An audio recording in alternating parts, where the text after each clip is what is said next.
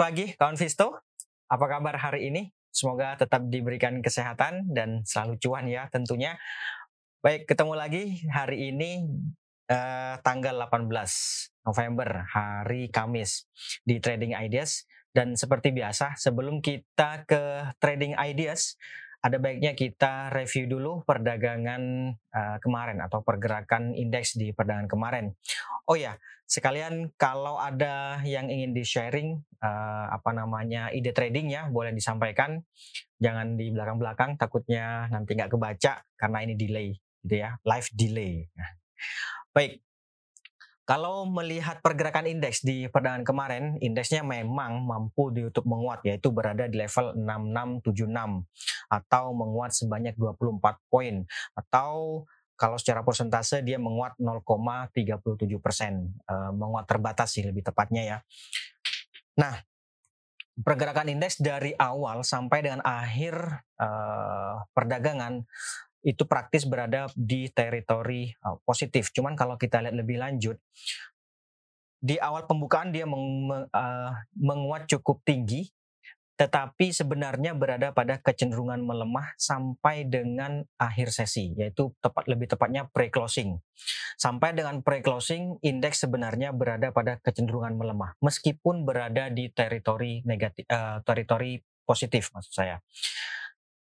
Kemudian pas closing pas closing indeksnya mampu ditarik eh, lebih tinggi lagi sehingga penutupan atau jam 15.00 itu membuat indeks mengalami konsolidasi. Tapi sebenarnya eh, apa namanya sepanjang perdagangan sampai dengan pre-closing dia berada pada kecenderungan melemah meskipun berada di teritori positif gitu ya. Nah hari ini bagaimana nanti kita lihat eh, eh, apa namanya outlooknya. Kemudian Saham apa saja yang membawa indeks menguat di perdagangan kemarin? Yang pertama ada Bank BCA, kemudian ada BRI, ada Astra, Bank BNI, lalu ada Buka atau Bukalapak. Jadi lima besar dari saham yang membawa indeks menguat, tiga di antaranya adalah saham perbankan. Kemudian Saham apa saja yang menghambat laju penguatan indeks? Yang pertama ada saham Telkom, kemudian ada Unilever, lalu ada INTP, MTEK, dan terakhir ada Gudang Garam. Itu lima besar yang menghambat laju penguatan indeks. Bagaimana dengan transaksi asing di perdagangan kemarin? Kalau kita lihat transaksi asing di perdagangan kemarin mencatatkan net sale sebanyak 824 bio ini uh, banyak banyak banget ini. Tetapi kalau kita rinci sebenarnya di perdagang uh, di pasar reguler sendiri asing mencatatkan net buy sebanyak 320 bio. Hanya saja memang di pasar non reguler atau di pasar nego dia mencatatkan net sale sebanyak 1,1 1,1 triliun gitu ya. Sehingga menjadi total net sale 824 bio. Nah, saham apa saja yang banyak dibeli oleh asing di perdagangan kemarin? Yang pertama ada saham Bank Mandiri, kemudian ada saham Bank BRI, lalu ada Astra, BNI, dan terakhir ERA. Sekali lagi, ini lima besar yang banyak dibeli oleh asing, tiga di antaranya adalah saham perbankan. Kemudian saham yang banyak dijual oleh asing di perdagangan kemarin ada saham Telkom, ada Adaro, kemudian ada Semen Indonesia atau SMGR, berikutnya ada Bukalapak, dan terakhir ada Unilever. Itu lima besar yang banyak dijual oleh asing di perdagangan kemarin. Oke, bagaimana dengan outlook hari ini? Ya, kalau kita lihat di sini ya, apa yang terjadi di uh, perdagangan kemarin sebenarnya kan lebih tepatnya mengalami konsolidasi ya. Kalau kita lihat selama sepekan terakhir lah setidaknya, dia mengalami konsolidasi dan tampaknya juga sedang mencoba untuk uji resist yang ada di 6715 atau paling dekat ya 69 uh, 6695 gitu ya. Nah, kalau melihat stokastik yang berada pada kecenderungan melemah, saya pikir memang ada akan ada potensi untuk mengalami pelemahan gitu ya. Tapi dorongan beli yang terjadi uh, kemarin dan sehari sebelumnya saya pikir itu akan mencoba untuk menghambat laju uh, pelemahan indeks. Sehingga, sehingga diperkirakan hari ini akan kembali bergerak fluktuatif. Kecenderungannya masih menguat terbatas tapi bisa saja di awal dibuka uh, melemah gitu ya. Melemah misalnya di berada di 6 uji uji 6635 gitu misalnya. Kemudian uh, mampu ditutup menguat tipis atau bahkan bisa saja sih melemah tipis sih, tapi ada peluang untuk cenderungnya cenderung uh, menguat Gitu ya. Ring pergerakan antara 6635 sampai dengan 6715.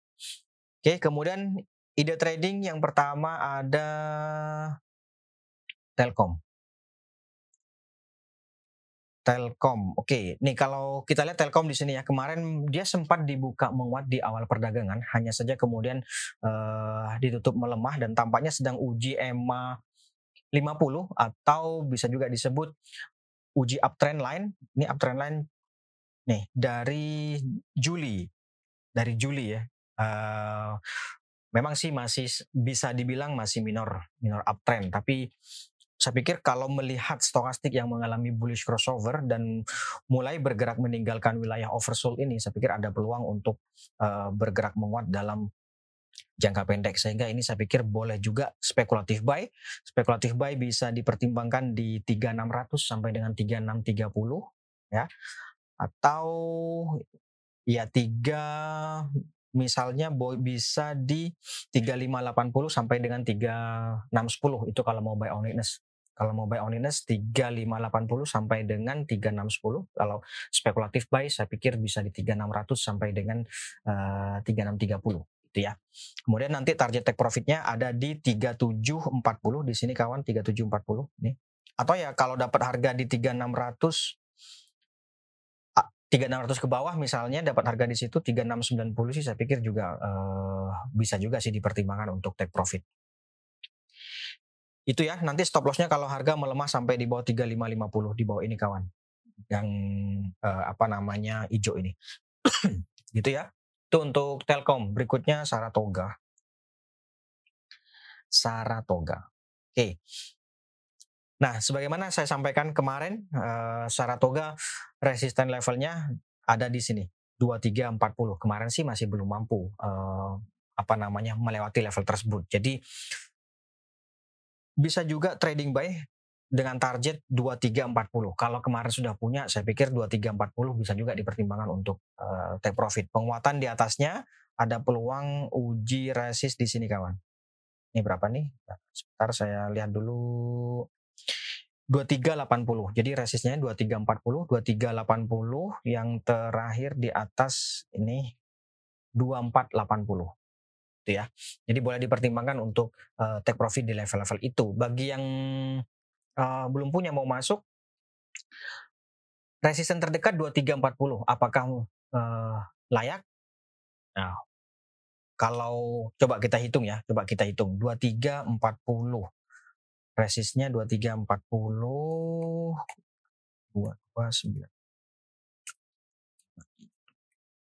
ya 2,1 persen berarti bersihnya kan sekitar 1,7 persen ya yang yang uh, apa namanya uh, return yang expected return kita 1,7 persen masih layak apa enggak nah, kembali ke diri masing-masing oke itu untuk Saratoga berikutnya ada lagi multipolar Oke, multipolar. Ya, ini menarik juga multipolar. Uh, coba nanti sekaligus MPPA-nya ya. MPPA menarik juga kalau saya lihat sih kemarin. Ya, multipolar ini juga menarik. Uh, kemarin dia mencoba untuk bertahan di atas 336. Saya pikir bisa juga sih dipertimbangkan ini untuk spekulatif buy atau trading buy juga boleh. Target take profitnya ada di 380 di sini kawan. 380 kalau mau trading buy bisa di 354 sampai dengan 362 saya pikir uh, boleh atau ya bisa juga buy on weakness misalnya 354 sampai dengan 358 360 itu boleh juga. Yang jelas supportnya itu ada di sini 336 nih kawan. Ya 336 kemudian resistnya tadi saya sampaikan 380 di atasnya ada 400 lalu 4 14 atau 4 12 itu. Idealnya sih memang kalau mau take profit di sini di 4 12 ini. Gitu ya. Tapi kalau menurut saya sih kalau dapat harga misalnya kemarin ikutan dapat harga di 354 misalnya begitu atau di atasnya sedikit 358 360 misalnya. Uh, bisa juga sih dipertimbangkan harusnya cukup ya 380 gitu ya. Itu untuk uh, multipolar. Kemudian kita lihat MPPA. Nah, ini dia MPPA. Saya pikir menarik juga nih MPPA. Uh, bisa juga ini bagi yang sudah punya, kemudian mau average, saya pikir uh, sekarang juga bisa sih, boleh boleh uh, average gitu ya. Ini rekomendasinya bisa spekulatif buy tar, uh, 535 sampai dengan 565 saya pikir boleh di level-level itu. Sementara untuk target penguatannya kalau dapat harga di 535 600 saya pikir cukup. Kemudian di atasnya ada 640 640 di sini kawan. Nih ya, stop lossnya nanti kalau harga melemah sampai di bawah level psikologis 500. Menariknya di mana? Yang pertama, kemarin dia mampu ditutup menguat dengan dorongan uh, coba saya perbesar ya dengan dorongan volume yang cukup tinggi gitu ya. Kemudian yang kedua uh, bullish crossover juga terjadi pada stokastik. Nah ini dia menariknya. Stokastiknya dia cenderung menguat sementara harganya dia uh, apa namanya lower low mengalami pelemahan gitu ya.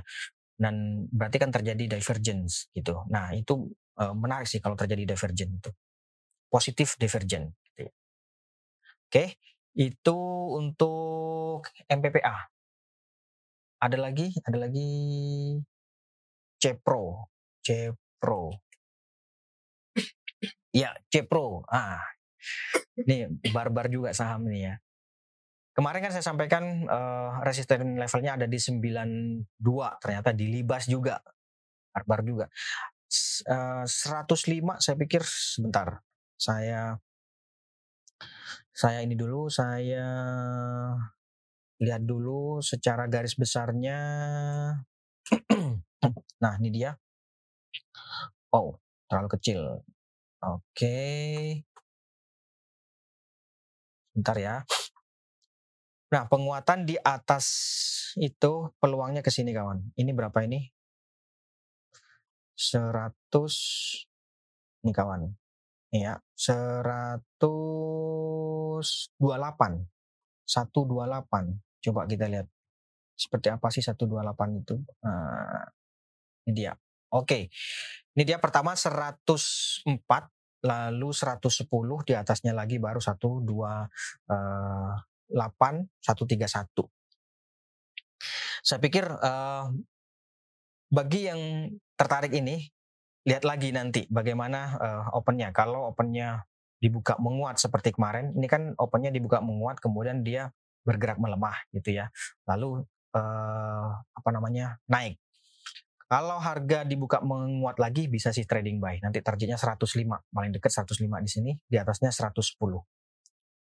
Gitu ya. Kalau ternyata dibuka melemah, mending uh, tunggu berikutnya apakah dia sampai di bawah 92 gitu ya. Enggak sih harusnya ya. Karena kan reject nanti. Oke. Ya, itu mungkin untuk uh, Cepro. Ada lagi? Sebentar. Oke. Ada lagi Nggak kelihatan ya. CCSI. CCSI. Oke. Kalau melihat CCSI di perdagangan kemarin dia mampu ditutup menguat dan tampaknya sedang mencoba untuk bertahan di atas ini support level 540. Saya pikir idealnya adalah buy on weakness karena muncul tekanan jual di perdagangan kemarin bisa di 540 di level itu atau kalau hari ini dia menguat sampai di atas 570 saya pikir bisa juga trading buy. Nanti target take profitnya ada di 600 gitu ya. Ada di 600 uh, eh, itu paling dekat. Nah, di atas 600 ada peluang sampai ke 625. Tapi yang jelas sampai dengan perdagangan kemarin dia masih mencoba untuk bertahan di atas 540 atau uh, sekalian nanti nunggu stokastiknya mengalami bullish crossover. Cukup menarik sih. Ini trennya malah up juga. Bisa bisa juga diperhatikan ini uh, eh, CCSI. Itu ya. Oke. Kemudian ada lagi Telkom tadi sudah dibahas ya di depan. Kemudian ada BBHI. BBHI. Nah, ini dia BBHI. Kemarin juga kembali sempat mencoba untuk bergerak di atas 8.000, hanya saja belum mampu. Kembali ditutup di bawah 8.000. Saya pikir uh, trading buy juga boleh. Masih masih pergerakannya masih belum banyak berubah, jadi resisten levelnya masih di 8.500, kemudian di atasnya 88, begitu gitulah. Supportnya masih di 75, kemudian 7175 karena memang praktis pergerakannya tidak mengalami banyak perubahan gitu ya. Bisa dipertimbangkan juga ikutan trading buy juga boleh lah gitu ya. Oke, itu untuk uh, eh, BBHI yang jelas belum banyak berubah atau konsolidasi. Itu BBHI, kemudian berikutnya ada Pegas. Pegas, ya Pegas sudah hampir, bukan hampir ya, sebulan lebih dia mengalami konsolidasi di atas. Kalau seperti ini maka menariknya adalah sebenarnya buy on breakout. Ya, buy on breakout di atas ini 1560. Karena uh, sampai dengan saat ini dia masih belum bisa di atas itu tapi juga tidak bergerak uh, di bawah level ini. Level berapa ini? 1460 atau ya kalau mau spekulatif buy ya di 1460 14, buy on weakness ya lebih tepatnya ya. 1460 sampai dengan 1475 atau 1480 boleh dipertimbangkan buy on di level-level itu. Tapi kalau bicara ideal maka ini idealnya adalah buy on breakout di atas 1560 ini. Gitu. Jadi nanti uh, bullish continuation gitu ya. Jadi strateginya menurut saya ini lebih tepatnya adalah buy high, sell higher gitu ya, bukan buy low, sell high. Baik untuk trading ya nggak apa-apa, bukan maksud maksud saya kalau untuk jangka pendek uh, memanfaatkan fluktuasi di saat konsolidasi ini ya bisa saja 1460 kita beli atau sampai dengan 1475 kita beli. Resisten level terdekatnya yang jelas itu ada di 1520 di sini kawan. 1520 di atasnya ada 1545 lalu ada 1560 tadi. Itu ya untuk Pegas. Berikutnya ada lagi Miti sebentar Miti wah ini uh, barbar dua hari dia mengalami uh, penguatan atau reject ya yang jelas kemarin dia dibuka menguat kemudian mengalami gap up saya pikir ya ikuti aja flow-nya. Kalau uh, apa namanya? Uh, karena ini saham barbar jadi ya mesti stop loss-nya juga cukup ketat. Jadi jangan kalau turun misalnya jangan jangan kemudian ah besok besok naik lagi besok naik lagi. Karena ini uh, apa ya? Uh, kalau sudah nggak barbar nanti lama nunggunya gitu. Yang jelas kalau melihat penguatan yang terjadi kemarin sudah tidak didukung oleh volume. Volumenya mengecil gitu ya dibandingkan dengan sehari sebelumnya. Itu. Tapi ya ikuti saja nanti uh, flow-nya bagaimana. Misalnya hari ini dibuka katakanlah melemah kalau masih di atas 250 sih uh, bisa juga sih ikutan spekulatif buy. Kalau dibukanya di di atas 250 gitu ya. Tre, uh, ya bukan spekulatif buy sih lebih tepatnya trading buy gitu ya karena uh, returnnya atau risikonya sudah lebih besar dibandingkan dengan peluang returnnya resisten level terdekatnya 280 eh sorry 270 280 kemudian berikutnya di atasnya sebentar di atasnya ada sini 28 296 296 iya 296 jadi tadi uh, oke sebentar. Ini dia 280 296 itu ya. Oke, itu untuk uh, MITI, ikuti saja flow-nya. Kemudian ada lagi ada lagi IPPC. Uh, sebentar, saya lihat dulu IPCC. IPCC. Uh. Hihihi. Oke, mantap juga nih. Sebentar. Saya ini dulu. Nah, ini dia ya. Uh, saya kasih satu deh, satu ini, satu apa namanya indikator. Sebentar. Ini saya kasih satu dulu indikator. Ya, ini dia. Nah, kalau melihat pergerakan harga selama kurang lebih sebulan terakhir dia akan mengalami konsolidasi nih. Idealnya adalah buy on breakout di atas 560 di sini kawan. Atau uh, naik lagi di sini deh. Ini ya, resisten levelnya ini 566. Sorry, 565. 565 itu resisten levelnya. Kemudian kalau yang terdekat tadi di sini 5 60 ya 565 lah 565 ya. Idealnya buy on breakout di level itu. Atau kalau mau buy on weakness ya tentu di sini 540 sampai dengan 545 54 spekulatif buy 540 550 gitu. Dapat harga di 540 saya pikir bisa jual di 565 gitu ya. Uh, harusnya sih cukup sih. Coba kita lihat ya, kalau dapat harga di 540, kita jual di uh, eh, 565, berarti kan 25 di 4,6 persen, cukup sih, cukup, harusnya cukup. Atau atau sebenarnya uh, seberapa sih ininya peluangnya? Nah ini dia kawan, di penguatan di atas 5 60 ini ya, eh sorry 565 maka di atasnya sampai ke 590 lalu berikutnya 630 cukup menarik ini, cukup menarik untuk uh, trading ya IPCC. Oke, itu kemudian ada lagi ada lagi apa itu di atasnya? BBYB. BBYB. Ya, di perdagangan kemarin BBYB mampu uh, sebenarnya mencoba untuk bergerak di atas ini kawan, 21 uh, 20. Hanya saja belum mampu kembali belum mampu bertahan di atas level itu dan muncul ini dia uh, shooting star bisa dibilang shooting star uh, ada potensi untuk mengalami koreksi jangka pendek jadi idealnya bagi yang sudah punya saya pikir bisa juga sih dipertimbangkan untuk take profit kalau punyanya dua hari yang lalu atau satu atau tiga hari yang lalu kan uh, cukup sih harusnya untuk take profit ya boleh di 21 uh, 20 atau kalau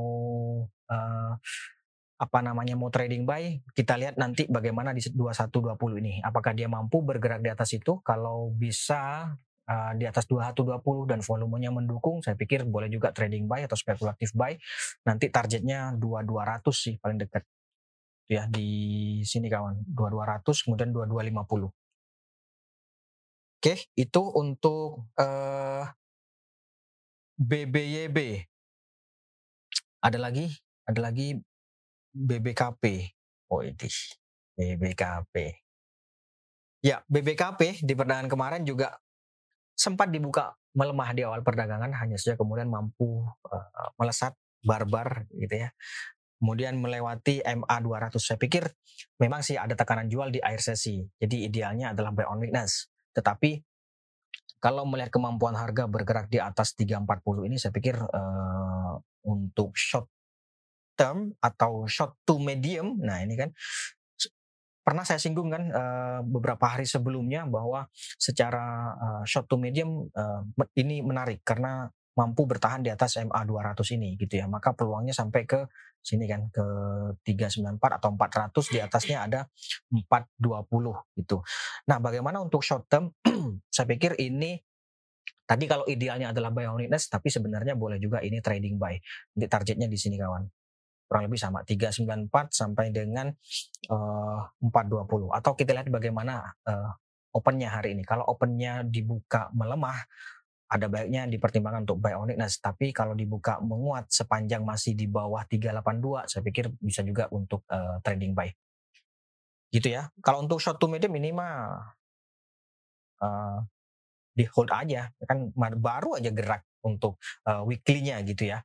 Tapi sekali lagi uh, resisten yang cukup kuat untuk to medium itu di sini kawan. 450 oh sorry di atasnya lagi. Yaitu di 48 486 atau 488 situ. Itu ya untuk BBKP kemudian berikutnya ada lagi ada lagi BABP BABP BABP, iya. Kalau melihat perdagangan kemarin BABP ini kan sempat bergerak menguat. Sebentar, saya uh, di besarin dulu. Nah, ini dia. Sempat bergerak menguat dia, kemudian uji resist yang ada di sini. Nah, Ini bisa saja spekulatif buy. Spekulatif buy kalau mau spekulatif buy saya pikir boleh di 224 sampai dengan 228 atau kalau mau buy on weakness boleh juga di 220 ya. Sebentar, ini berapa ini? 218, 218 sampai dengan 224 di level-level itu kalau mau buy on weakness. Nanti resistennya di berapa? Paling dekat di sini kawan.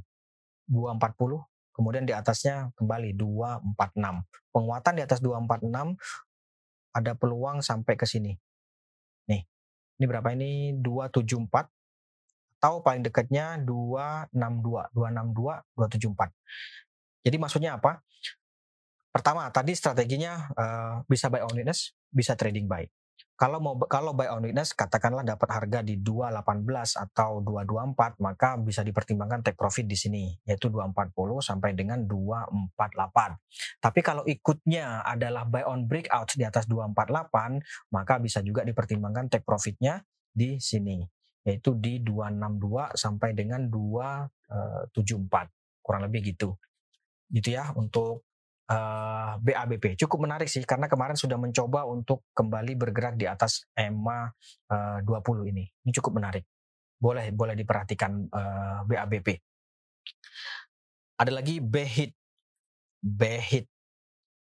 Ya, BHIT sampai dengan saat ini dia masih mengalami uh, konsolidasi dan tampaknya mencoba untuk bertahan di atas 58 ya menurut saya sih ini bisa saja uh, main cepat. Kalau dapat harga di 58, jual 60, satu poin lah gitu. Satu poin uh, cukup menarik juga. Yang jelas kalau tanya resistennya di berapa ideal untuk take profit. Nah, ini dia ideal untuk top ideal untuk take profit yang pertama ada di 63.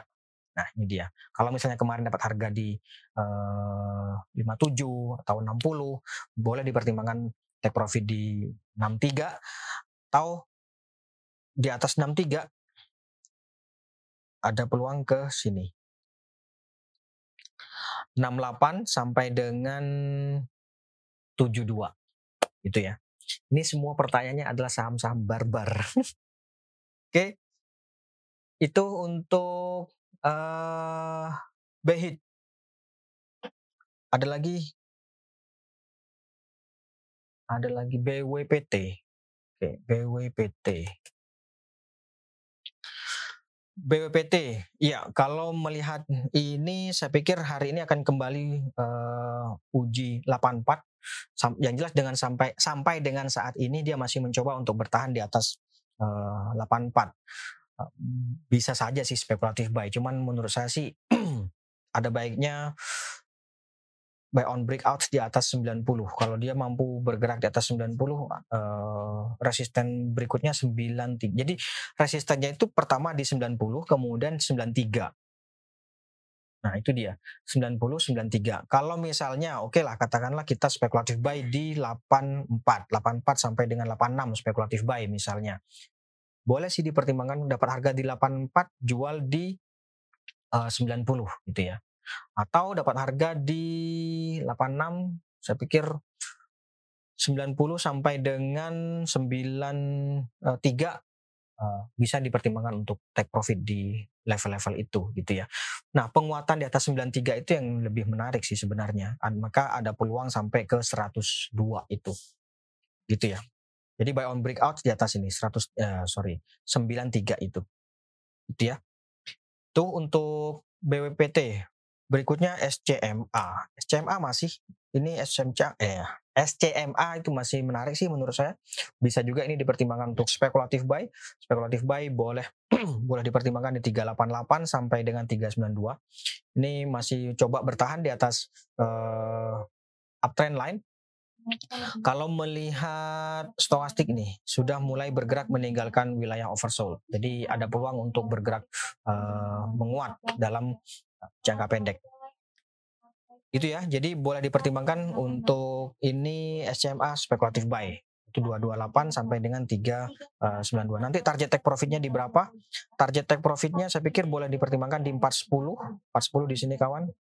410 atau di atasnya yang hijau ini ini 414. 414 itu uh, level terdekatnya. Gitu ya. Oke. ada lagi Wika. Ya, sejauh ini Wika ini tampaknya masih belum mampu bergerak di atas MA 200 ini. Jadi idealnya buy on breakout di atas ini yaitu 1355. Boleh dipertimbangkan buy on breakout di atas 1355. Uh, kalau mau buy on weakness, saran saya sebentar.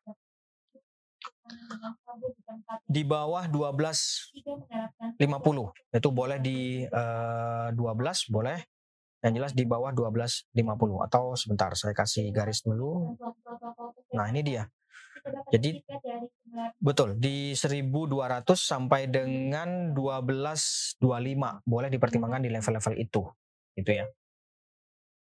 Kalau untuk buy on witness idealnya tentu di sini nih yaitu di uh, eh, 1100. Makanya jadi gini, ada potensi untuk mengalami koreksi untuk uh, Wika ini yaitu dapat menguji support level yang ada di 1200 uh, pelemahan di bawah itu maka cenderung menuju ke 1100 gitu ya.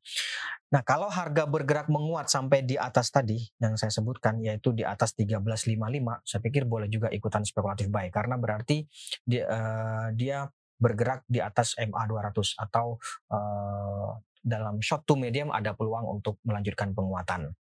Kurang lebih begitu ya. Gitu untuk uh, Wika. Berikutnya masih ada waktu Pak Produser? Oke, INKP. INKP. INKP saya pikir juga boleh juga ini dipertimbangkan untuk uh, lebih tepatnya sih ini buy on breakout di atas 8800. Penguatan di atas 8800 ada peluang sampai ke 9000 hingga 9300 uh, gitu ya. Atau lihat lihat opening hari ini. Kalau dia di dibukanya melemah saya pikir tunggu dulu, tunggu dulu uh, 8450 sampai dengan 8225, 8450 di sini. Jadi dia kan selama seminggu terakhir ini mengalami konsolidasi yaitu supportnya ada di 8450. Itu ya. Kalau hari ini dia dibuka melemah, mungkin ada baiknya uh, apa namanya? buy on weakness di 8425. Sorry, bukan 8425, 8425 gitu. Pelemahan di bawahnya sampai ke sini. Kalau untuk satu medium ini kan sebenarnya trennya masih up ya. Nih, trennya masih up. Cuman uh, apa namanya? stokasinya kan berada di wilayah netral gitu ya. Nah, idealnya kan kita belinya di sini nih. Ya, kalau saya tarik garis kan begini nih. Kelihatan nggak ya? Coba coba saya perbesar aja. Karena ini weekly. Nah, ini dia. Nih. Maka idealnya kan tentu kita belinya di daerah sini ya 8150 sampai dengan 8425 tadi. Itu idealnya untuk short to medium gitu. Untuk uh, short term tadi bisa ada dua. Yang pertama adalah buy on breakout di atas 88 atau ya buy on di 8425. Itu untuk NKP. Ada lagi silo atau silo. Silo, siloam. Nah, Oke, ini kemarin sampai dengan kemarin dia masih mencoba untuk bertahan di atas ini di atas berapa ini? 9000 saya pikir uh, trading buy juga bisa sih trading buy boleh juga. Nanti resistance levelnya ini 9525 ya 9525 trading buy bisa dipertimbangkan di 9150 9250 nanti uh, take profitnya 9525 stop lossnya tentu sebenarnya di bawah 9000 ya. Tapi kalau dapat harga di 91 saya pikir boleh di bawah 88 nanti ininya apa namanya uh, stop lossnya. Itu untuk uh, silo atau silo. Ada lagi? Ada lagi enggak ada lagi enggak BNBA BNBA ya BNBA kemarin sudah mengalami koreksi sempat dibuka menguat di awal perdagangan kemudian mengalami uh, koreksi. Black marubozu yang terbentuk menunjukkan adanya uh, tekanan jual. Saya pikir idealnya adalah kalau mau masuk buy on weakness tapi kalau uh, sudah punya bisa juga dipertimbangkan untuk uh, keluar terlebih dahulu atau take profit gitu ya. Buy on weakness di buy on weaknessnya di berapa? Ya di 3000 di sini supportnya kan 3000 nih. Di sini nih ya ya atau kalau support terdekat di sini Atau kalau hari ini dia menguat lagi sampai di atas 3770 di atasin dia di atas 3770 saya pikir bisa juga sih ikutan uh, trading buy. Gitu ya. Itu untuk BNBA. Kemudian berikutnya teh. Teh Ya, sampai dengan saat ini dia masih mengalami konsolidasi dan mencoba untuk bertahan di atas 6.300. Uh, saya pikir idealnya buy on weakness, buy on weakness bisa saja sih di 6300, tapi sebaiknya kita tunggu perkembangan satu satu sampai dua hari uh, ke depan. Atau kalau hari kalau hari ini dia mampu menguat sampai di atas 6850 saya pikir juga bisa juga sih ikutan spekulatif buy. Nanti target penguatannya ada di 7300 sampai dengan 75 uh, 7600. Ya, 7300 kemudian 7600 gitu. Bagi yang sudah punya mau average, saya pikir belum waktunya sih kalaupun mau average gitu ya. Oke, itu uh, untuk teh terakhir. Terakhir ya, WSBP. Oke. WSBP. Nah, USBP di perdagangan kemarin dia ditutup melemah dan sampai dengan masih uji 150. Saya pikir ini bisa saja sih spekulatif buy. Boleh spekulatif buy. Hmm, nanti target penguatannya 156. Jadi kalau dapat harga di 150 atau dapat harga 152 deh. 150 sampai 152 misalnya kemarin dapat harga di 151, 150 boleh juga sih dipertimbangkan untuk uh, take profitnya resisten level terdekatnya yaitu ada di 156 di atasnya ada 158 kemudian ini ini berapa ini? 161 itu level-levelnya ya. Uh, cukup menarik sih ini cukup menarik. Apalagi kalau harga saat ini uh, hari ini bisa menguat sampai di atas ini satu satu lima delapan tadi gitu ya. Cukup menarik sih menarik menarik menarik. Oke itu dulu mungkin untuk hari ini kawan Visto terima kasih atas kehadiran dan partisipasinya. Kita jumpa lagi uh, besok di akhir pekan ya. Sekali lagi terima kasih dan sampai jumpa. Selamat pagi dan salam investasiku. For better tomorrow.